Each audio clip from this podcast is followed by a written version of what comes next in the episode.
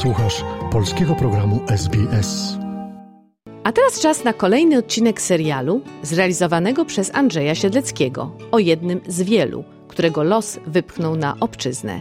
Bohaterem opowiadania jest major Seweryn Korzeliński, autor pamiętników wydanych w 1858 roku pod tytułem Opis podróży do Australii i pobytu tamże od 1852 do 1856 roku.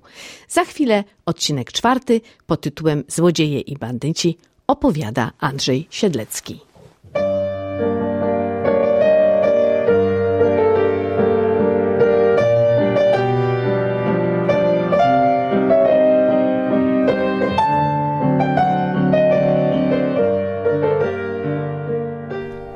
Nasz bohater, pan Seweryn, ze zmiennym szczęściem dalej poszukuje złota na różnych działkach, aż pewnego dnia gazeta przynosi krótką notatkę, że Austriacy ogłosili amnestię dla emigrantów. Polscy wygnańcy mogą więc wrócić do ojczyzny.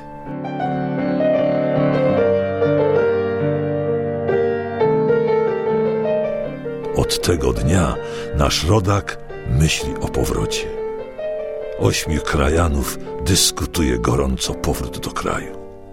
Jadą do Melbourne, by uzyskać więcej informacji o sytuacji w Europie. Czekają cały tydzień, ale żaden statek nie przynosi konkretnych wiadomości.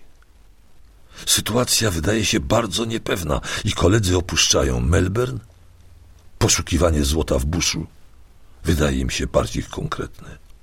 Pan Seweryn pozostaje jeszcze kilka dni w mieście, jednakże też go opuszcza, rozczarowany i z partnerem zakłada nieźle prosperujący sklepik w buszu. Ale mimo zysku żołnierz nie nadaje się na sklepikarza i postanawia wrócić do poszukiwania, unikając szczęśliwie matactw oszukańców i wygrywając w magistracie wytoczony mu proces. Potem jeszcze raz zamienia się w sklepikarza i wybrana, wydawało się, spokojna okolica na sklepik, namiot, otrzymuje nazwę Polish Flats. Pisze w pamiętniku. Może w przyszłości jakiś Polak, tu wędrujący, znajdzie to miejsce, gdzie kiedyś przebywał jego rodak. W naszej podróży staraliśmy się dotrzeć do tego miejsca, ale niestety nie mogliśmy go znaleźć. Jakowoż i to miejsce też nie było bezpieczne, bo trzy mile dalej operowała banda Bushrangers pod przywódcem mordercy Blake Douglasa. Kradli z namiotów i napadali na lokalne sklepiki. Trzeba było się bronić. Więc poszukiwacze utworzyli uzbrojone oddziałki, spalili namioty bandytów, związali Douglasa i kilkuset górników odtransportowało go do Melbourne, gdzie zawisł na szubienicy. Inni, jak Red Jack, ciągle się uśmiechający, z partnerem rozłożyli namiot, blisko, udając kopaczy, a i nie za długo dołączył do nich Dick, eks-skazaniec. I zaraz w okolicy wzrosły napady i złodziejstwo z namiotów, ale ponieważ nie złapano ich na gorącym uczynku, więc nic nie można było zrobić. Przychodzili do sklepiku pana Seweryna, ciągle kupując na kredyt żywność i alkohol. Na wszelki wypadek nasz rodak przedyskutował z polskim kolegą taktykę obronną, bo Red Jack pojawiał się w sklepiku o różnych godzinach a szczególnie wtedy, gdy inni kopali, a pan Seweryn zostawał w sklepiku sam.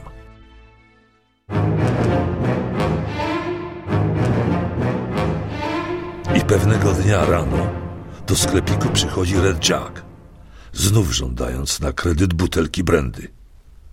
Pan Seweryn odmówił, domagając się uregulowania zaciągniętego długu. Red Jack natychmiast się odwrócił i wyszedł szybkim krokiem. A to zły znak, bo zwykle chodził o spale. Więc pan Seweryn sprawdza zardzewiałą krucicę na ścianie, choć wie, że nie da się jej użyć. Red Jack wraca z dwoma kompanami, widząc w tym momencie pana Seweryna zawieszającego na powrót krucicę na ścianie.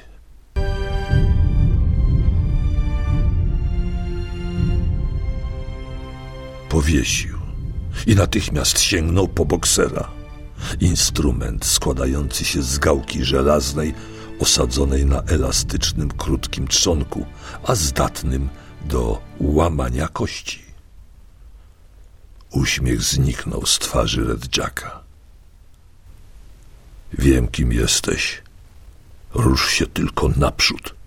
To ci roztrzaskam mózgownicę. Wyszli. Pan Seweryn odetchnął. Ale zagrożenie zostało, bo w większej kompanii mogli wrócić.